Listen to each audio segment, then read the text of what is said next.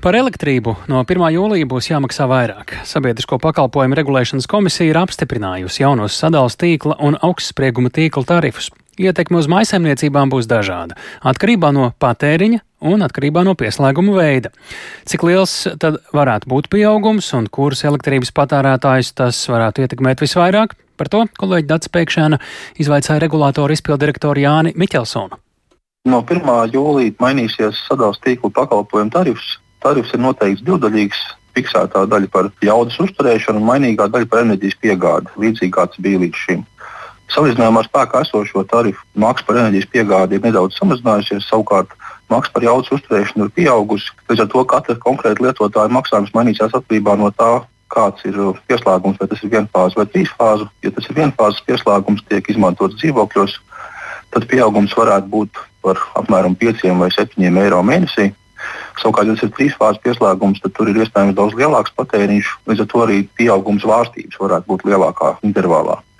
Ja tas ir trīsfāzes pieslēgums un ievada aizsardzības aparāta drošinātāju stāvu stiprums ir piemēram 16 vai 20 ampēri, tad pieaugums varētu būt ap 12, 14 eiro mēnesī. Ja tas ir lielāks jaudas pieslēgums, tad izmaksu pieaugums varētu būt arī vēl lielāks. Tas nozīmē arī to, ka savā ziņā nu, dzīvokļos varētu būt šis pieaugums mazāks un privāti mājās lielāks. Principā jā, 90% dzīvokļu ir ar vienfāzes pieslēgumu, tā kā pamatā dzīvokļos dzīvojošiem šis pieaugums ir salīdzinoši mērens. Savukārt no privātu mājām arī daļa ir ar vienfāzes pieslēgumu Bez tam ir arī objekti, kas nav pastāvīgi apdzīvoti, kas varbūt piemēram dārza mājiņa vai garāža, kuros ir relatīvs pieslēgums. Tad arī šiem pieslēgumiem ir jāskatās, vai ir piemērotais tarifu veids atbilstošs. Un attiecībā uz objektiem, kuriem varbūt nav pastāvīgs patēriņš, piemēram, tā dārza māja, kur elektrība tērēta tikai dažus mēnešus gadā, ir iespēja pāriet uz speciālo tarifu, kuram savukārt nebūs lielas fiksētās maksas, bet būs dārgāka maksa par katru patērēto kilovatstundu. Runājot par pašiem tarifiem, sākotnēji atcerēsimies, ka tarifu pieaugums bija paredzēts vēl lielāks. Atgādiniet, uz kā rēķina izdevās samazināt to tarifu pieaugumu?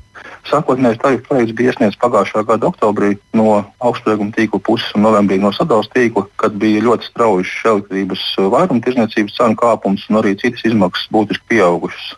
Savukārt uz šo brīdi vairumtirgus cenas ir samazinājušās un stabilizējušās gan augstākā līmenī nekā iepriekš. Līdz ar to faktiski visas tās izmaksas, kas saistītas ar elektroenerģijas zudumu un tehnoloģiskā patēriņa nodrošināšanu, ir augstākas nekā šobrīd noteikti spēkā esošajā tarifā, bet būtiski zemākas nekā tās bija novērtētas oktobrī, kad sākās tarifu vērtēšana. Arī par vairākām citām izmaksu pozīcijām tobrīd gatavotā prognoze un tajā laikā esošā inflācija norādīja, ka tās izmaksas varētu pieaugt straujāk šobrīd ņemot vērā inflācijas prognozes un esošos cenu līmeņus, vairākās pozīcijās izmaksas ir samazinātas pret to, kā tās bija sākotnēji iesniegtas. Tomēr kopējās izmaksas gan augstsprieguma tīkla, gan sadalījuma tīkla pusē ir lielākas nekā līdz šim piemērotajos tarifos. Par cik procentiem ir zemāks šis tarifs nekā tika pieprasīts paaugstināt? Vairāk nekā uz pusi no visa pieauguma šobrīd ir izdevies samazināt. Attiecīgi pret līdzinājiem tarifiem pieaugums ir 30-32% sākotnējais bija vairāk kā 50. Tā Jānis Miķelsons, regulātora izpildirektors, sarunā ar kolēģi Dats Pēkšanu par to, ka no 1. jūlija būs vairāk jāmaksā par elektrības piegādi, bet sazinājuši, sazinājušies tad mēs šobrīd esam ar Svetbank, Latviju galveno ekonomistu Līvu Zorganfrēju. Labdien! Labdien! Cik, jūsuprāt, būtisks ir šis cenu pieaugums par elektrības piegādi mājasēmniecībām uzņēmumiem? Daļai tas var izklausīties tāds diezgan paprāvs. Nu, jā, tas droši vien atkarīgs vienmēr no tā, cik ir tas uh, liels tas elektroenerģijas patēriņš.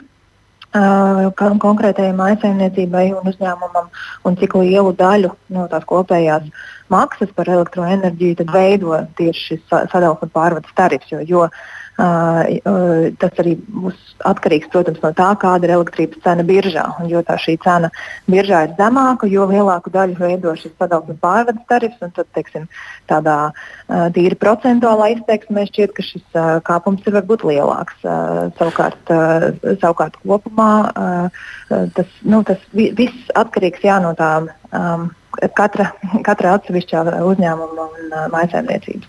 Jā, tas ir par tīri tā skaitliski, bet pēc būtības šāds pieaugums ekonomikā, uh, ka divi lielie sadales tīkli, augstsprieguma un sadales tīkls ir nolēmuši par, nu, dzirdējām, 30% apmēram audzēt šos tarifus caurmērā, tad ko tas nozīmē kopumā? Vai to var teikt un saukt par būtisku pieaugumu? Um, jā, nu tas, eh, tas ir vērā ņemams pieaugums noteikti. Ja, ja mēs uh, iepriekš uh, skatījāmies uz inflāciju uh, tieši šajā elektroenerģijas sadaļā kā tādu, kas nu, drīzāk uh, ies uh, teiksim, ar lejupējošu tendenci, tādēļ, ka mēs redzam šīs pozitīvās, uh, pozitīvo kustību pasaules cenās, tad uh, šis nu, nedaudz pamaina to trajektoriju. Un, uh, uz gada beigām vairs nu, tik, uh, par tik optimistiski par zemām un ļoti zemām cenām mēs vairs nevaram būt.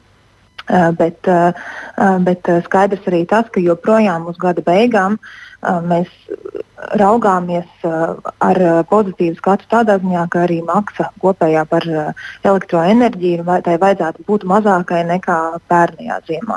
Līdz ar to nu, tā situācija vienalga šajā ziemā būs labāka, strīdāka ar elektrības tarifiem, bet kā tas kopumā ekonomiku varētu ietekmēt, tad varētu tas elektrības cenu kritums, kas ir nu, ikdienas elektrības cenas, kaut kā līdzsvarot šo sadalas tarifu pieaugumu un beigu beigās uz kopējām izmaksām, uz inflāciju. Tā skaitā, ar ko mēs te nopietni cīnāmies, varētu neatstāt būtisku iespēju.